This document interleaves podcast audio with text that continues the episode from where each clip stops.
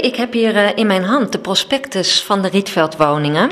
Rietveld bouwde in 1959 een aantal flats en woningen op Kanaleneiland in Transwijk. En toen ik deze brochure in mijn handen kreeg, deze verkoopbrochure, toen werd ik wel heel enthousiast. Een ideale woning in een ideaal park, staat er, Nathalie Dubois. Naast een afbeelding van zwanen in een vennetje met een flat op de achtergrond van vier verdiepingen. Boom er ook nog bij. Ja, mooier kan het eigenlijk niet, hè? Nee. We gaan terug naar de toekomst. Ja, dat gaan we naar de jaren 50. Uh, die helemaal gericht was op de toekomst. Op een betere toekomst, een mooiere toekomst. Dat zie je hier ook prachtig. Met die mooie kleuren en uh, schitterende quotes bij de woningen van Rietveld. Zo wordt het voorgesteld als uh, de superflat in het nieuwe Hof van Ede. Het komt ook, ook nadrukkelijk terug, hè? twee keer. Ideaal. Ja. Wervend. Ja, nieuw, modern, vooruitstrevend. Hier wilde eigenlijk iedereen wonen, als je deze folder ziet. Was dat ook zo? Um, ja, de wijk was heel populair. Um, ik heb me laten vertellen dat uh, mensen uit Witte Vrouwen in grote getalen naar de wijk Kanaleneiland verhuisden. In Witte Vrouwen hadden ze nog niet allemaal een badkamer. Ze hadden dunne muren, hoorden de buren. En ja, dan was daar ineens die hypermoderne wijk, een heel mooi alternatief. Het was echt de tijd van licht, lucht en ruimte. Kijk even door in die prospectus, die brochure. Voor u een tennispark met 16 banen, een terras, een clubgebouw met kleedkamers, een oefenmuur, een bergruimte en een rijwielstalling. Alles omgeven door een hoog opgaande beplanting. En ja, ik zie hier ook staan een rosarium met pergola's en een rozenlanen, waar u te midden van de mooiste zoetgeurende rozen wandelen en toeven kan. Kanaleneiland werd in die tijd ook uh, Rozeneiland genoemd. Nou, en verder, als we verder gaan over de superflat van Rietveld, dan zien we hier een paar pagina's over wat er allemaal in die flats te vinden was. Dat was hypermodern. Allerlei snufjes, zoals hier de schakelaars, waarover staat. In het duister vindt u de fluoriserende drukschakelaar gemakkelijk. Eén lichte druk en geruisloos flitst het licht aan. Prachtig. Een huistelefoon ook. Ja. Wat lezen we? Als er gebeld wordt, behoeft u geen trappen te lopen. Door de huistelefoon kunt u spreken met degene die zich aan de voordeur van de centrale hal gemeld heeft. En volledige doorbezonning. Ja, mooi woord.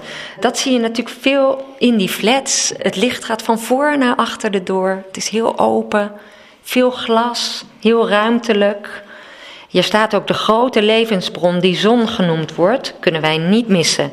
Daarom is uw superflat zodanig ontworpen dat een complete doorbezonning kan plaatsvinden. En dat hadden ze dus allemaal, die superflats. Ja, ja echt futuristisch bijna. Futuristisch, maar ook eenvormig. Ja, dat klopt. Standaard. Ja, het is natuurlijk van die stempelbouw, dus er zit heel veel herhaling in. De flats die Rietveld daar ontwierp, dat waren ook 90 woningen. Dus 90 vrijwel identieke woningen. Althans in uh, ruimteindeling en aan de buitenkant. Ja, heel mooi. Als je daarnaar kijkt met ogen van de jaren 50. Een diep beeld in zo'n woning. Plavuizen en dan? Ja, uh, allerlei opbergkasten waar nieuwste snufjes, zoals bijvoorbeeld de stofzuiger, in opgeborgen konden worden. En alles wat je ziet heeft ook te maken met gemak. Hè? Het, het, het, leven werd gemakkelijker. Er kwamen nieuwe apparaten de woningen in. Het was uh, super deluxe en op het gemak en een uh, positieve, betere toekomst gericht. Echt het beeld van een nieuwe tijd waar je instapt. Ja. Alleen al als je zo'n brochure in je hand hebt. Ja, dan wil je wel. Ja, ik zou nu ook wel willen als ik dit lees. Kijk daar dan. Mevrouw met een lange robe op haar rug gezien kijkt in de woonkamer met het moderne ameublement. Ja, het heeft ook iets romantisch, hè? Ja. Maar het is ook inderdaad zo getekend dat het heel groot lijkt. Ja, ja ik denk dat ze in werkelijkheid wel wat kleiner waren dan het op deze schets wordt weergegeven. We zien natuurlijk verderop ook de plattegronden. De perspectivische vertekening van de propaganda. Ja. Oh ja, dit is ook nog mooi. Hier gaat het over die 90 flats die we net noemden. En daar staat ook bij: zonder overdrijving kunt u spreken over een woning voor uw leven. Je hoeft er eigenlijk niet meer weg. En daarin ging je goed wonen.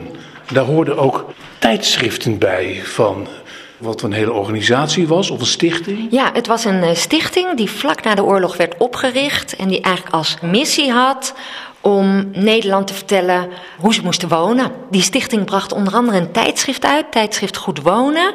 En daar werd letterlijk verbeeld, zo moet je je woning inrichten en zo niet. En als je het op een bepaalde manier doet, naar onze maatstaven, dan word je een gelukkig mens. Maar wie matigde zich dat aan? Of hadden het goed bedoeld met je?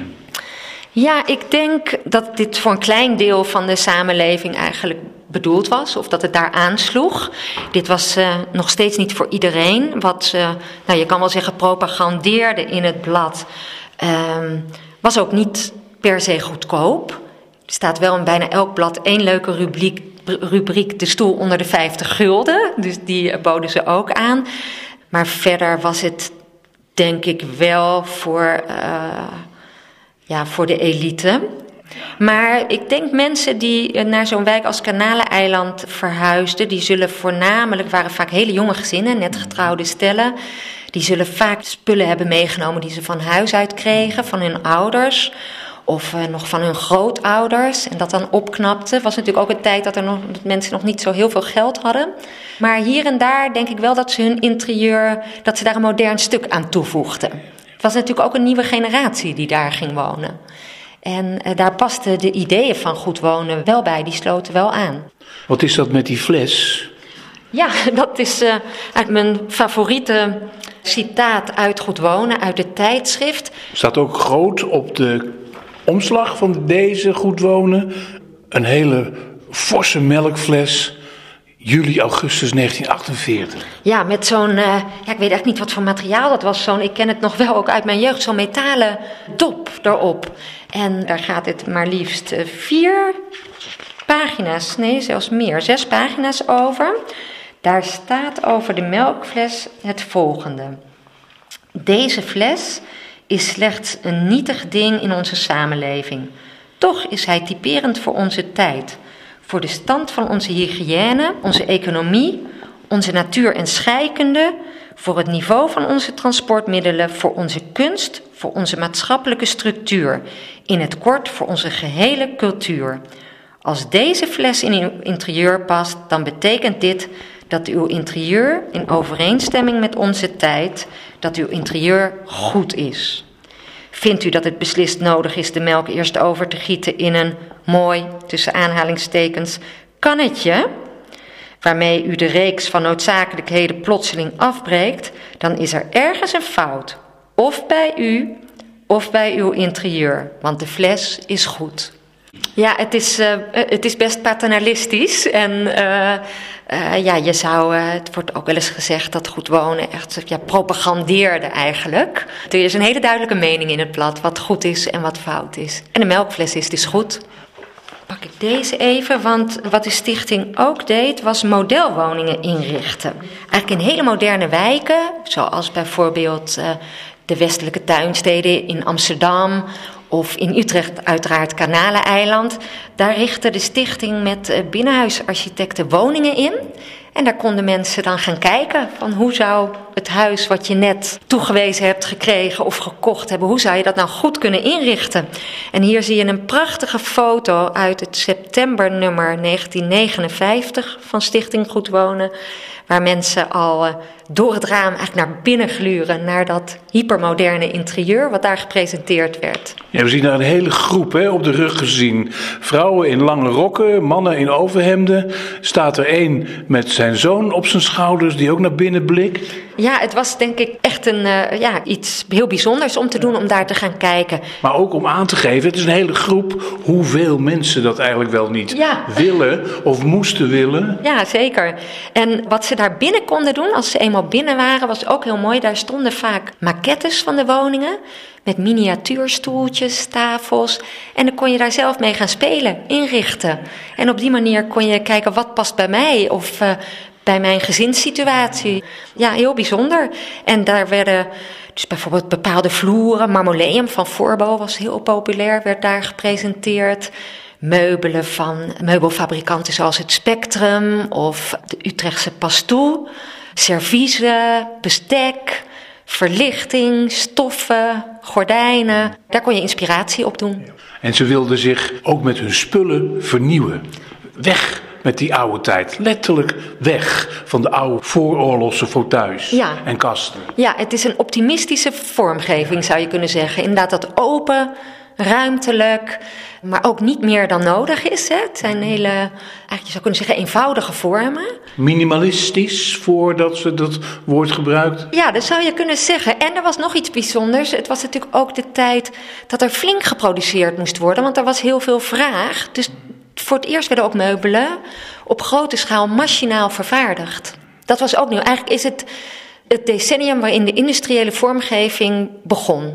Het was en ontwerp en toch gewoon puur geld verdienen door massaproductie van wat je al noemde, pas toe. Ze moesten een afzetmarkt creëren en in Kanaleiland stond het natuurlijk allemaal klaar om ingericht te worden wat er uit hun fabrieken kwam. Ja, dat klopt. Daar was veel van nodig. En zo heb je bijvoorbeeld in die tijd wat heel populair is en wat je in elk tijdschrift bijna terugziet, is het rotanmeubel. Na de oorlog had je natuurlijk niet heel veel materiaal voorhanden. Dus dat is ook een reden dat de meubelen sober zijn. Er moest spaarzaam met hout worden omgegaan. En dat rotan, bitriet, dat was flink voorhanden. Dus je ziet ontzettend veel rotanmeubelen. En het was een sterk materiaal, een licht materiaal. Ehm, eigenlijk heel erg handig. En dat zie je bijna in elk jaren 50 interieur en ook nog later veel terug. We worden omringd door al dat toen zo moderne en toch eenvoudige meubilair in een modelwoning van Rietveld, buiten Kanaleiland, maar hij zou er kunnen staan. Dit is de Robijnhof, nummer 13. En dan zitten we inderdaad echt weer terug in de tweede helft van de jaren 50. Ja, klopt. Zo zou het er in Kanaleiland ook uit hebben kunnen zien. We zitten nu eh, 10 minuutjes fietsen vanaf Kanaleiland. Hooggraven, Ja, in Hooggraven, waar Rietveld eh, rond dezelfde periode ook bouwde. Hier zitten we in sociale woningbouw, groot sociale woningbouwproject van Rietveld. En eh, de woning is door het Centraal Museum een aantal jaar geleden ingericht als modelwoning. Zodat je je weer kan voorstellen hoe dit ideaal was ingericht in die midden jaren 50. we zien daar een bureautje met een, een houten stoel. Ja, van Pastoe, ontworpen door eh, Kees Braakman. Daar zie je dat gebogen hout wat in die tijd eh, populair wordt. Heel opengebroken, rank, prachtig stoeltje. Is nu natuurlijk ook weer heel erg populair, die jaren 50 vormgeving. Maar we zien hier ook een Zweedse stoel. Men keek na de oorlog ook erg naar, eh, naar het noorden, naar de Scandinavische landen. Was ook heel populair. Zeven van die spijlen in de rugleuning. Ja, ja, het is eh, open. Hè? Je kijkt er ook weer doorheen door die stoel. Het is niet zo'n massaal gestoffeerd meubel als eh, de grootouders in die tijd hadden. Staat aan een ronde tafel, ook van hout, Ja, bruin. in jaren 50 woningen was veel hout te vinden, maar ook metaal. Draai ons even om en dan zien we daar eh, tegen de muur op een eh, robuuste kast wel een blauwpunkt radio staan. Maar ik mis de televisie. Ja, ik denk dat die hier eh, ook nog niet stond, zo midden jaren 50. Eh, televisie bestond toen pas net in Nederland. In 1951 was de eerste televisieuitzending. En ja, je kon de eerste televisie pas rond die tijd kopen. Een televisie van Philips. Die staat ook in de tentoonstelling eh, Dromen in Beton. Dat is de eerste televisie en die werd ook wel vanwege zijn vorm het hondenhok genoemd. Het is echt een bak, een flinke houten bak. eh, waar dan één live-uitzending op te zien was. En eh, dat kon zich niet iedereen permitteren. Maar daar kwam Zwiebertje, ook in Kanaaleiland. Ja. En dan pas was het goed wonen. ja, in goed wonen wordt ook aandacht besteed aan de televisie. En waar je hem dan in je interieur neer moet zetten, zodat iedereen daar heel gemakkelijk en ruim omheen kan zitten. Vooral met veel mensen, want de buren kwamen ook meekijken, misschien wel de hele straat. Samen. Ja, samen, ja. Heel belangrijk. Ja, dat zie je ook in die wijk. Het is echt een gemeenschapswijk. Je hebt uh, pleintjes waar mensen samenkomen, de bierenbadjes uiteraard, hè, veel speelpleinen voor kinderen. Het is, uh, ja, het is echt op de gemeenschap uh, gebouwd. Ja. En als ze dan bij elkaar televisie kwamen kijken, zagen ze in ieder geval dezelfde stoelen en ronde tafel die ze thuis ook hadden. ja, wellicht. Ja. Heel vertrouwd. Laten we eens even naar die keuken lopen op de Robijnhof. Ja, eigenlijk al ja, voor de jaren 50 had niet elke woning een keuken. Uh, tijden daarvoor werd natuurlijk ook nog uh, rond de kachel gekookt in de, in de kamer. Uh, maar deze woning heeft een uh, eigenlijk hele ruime keuken, lichte keuken, veel ramen. Groot granieten keukenblad. Ja, nog lekker met een, met een verzonken gootsteen. Ja, die is uh, van de firma Bruinzeel door Piet Zwart ontworpen. En dat was de keuken die in vrijwel elke keuken van woningbouwcoöperaties werd gezet. Dat was de eerste keuken die je op verschillende manieren kon toepassen, waar je zelf de indeling voor kon bedenken, die gemaakt is. Die stond bijna overal. Weer zo'n ontwerpersnaam die je noemt, maar die vrijwel niemand kent. Maar wiens hand dus in heel veel huishoudens zichtbaar is geweest. Ja, en tot op heden, want de bruinzeelkeuken is weer te koop in dezelfde jaren 50 kleuren. Dat pastelgroen en geel. Toen was het de toekomst, nu is het retro. Ja, klopt. Ja, ja. ja. ja wat we hier ook zien is een gasfornuis. De jaren 50 was natuurlijk ook de tijd dat gaswoningen binnenkwam elektriciteit ook. Daardoor kwamen er ook elektrische apparaten de keuken in en die vergemakkelijkten het leven aanzienlijk. Ook in de jaren 50 natuurlijk weer, de was werd nog met de hand gedaan. Daar was de huisvrouw dagelijks mee bezig, uren per dag. En dan ineens uh, is, komt de wasmachine. Revolutionair. Ideaal allemaal. Goed wonen. Wat ik me toch de hele tijd zo afvraag, als ik het allemaal zo standaard zie, en ook hier in de modelwoning, is waar de mensen hun persoonlijke accenten leggen. Of deden ze dat niet? Nou, ik denk in zo'n modelwoning is natuurlijk alles volgens die principes van goed wonen ingericht. Ik denk dat niemand zijn huis 100% zo had. Er zal altijd ruimte zijn geweest voor herinnering, een tafeltje van oma, boeken, schoolspullen, speelgoed, kleding. Wat je hier ziet is natuurlijk een uitgeklede versie van een woning. Met zo'n reproductie van Picasso en Fernand Léger aan de muur. Ja. Jaren 50, begin jaren 60, oplevering van Kanaleneiland. Wat je al zei, het was nog lang niet zover dat er een revolte kwam en iedereen zijn eigen weg ging. Dat klopt. Ja, ja dat, kwam, uh, dat kwam echt later. Uh, ik denk, uh, ja, de meeste mensen in de jaren 50 op Kanaleneiland bleven er ook niet heel erg lang wonen. Op een gegeven moment was die ideale flat toch iets minder ideaal. En verhuisde men toch naar wijken waar uh, een rijtjeshuis met een voor- en een achtertuin was. Zoals uh, Zuilen, Lunetten. Op een gegeven moment kwam natuurlijk Nieuwegein. En uh, vertrok men uit die ideale wijk, uit die ideale flat. Zo zijn wij ook even uit de expositie getreden. terug in de tijden van nu.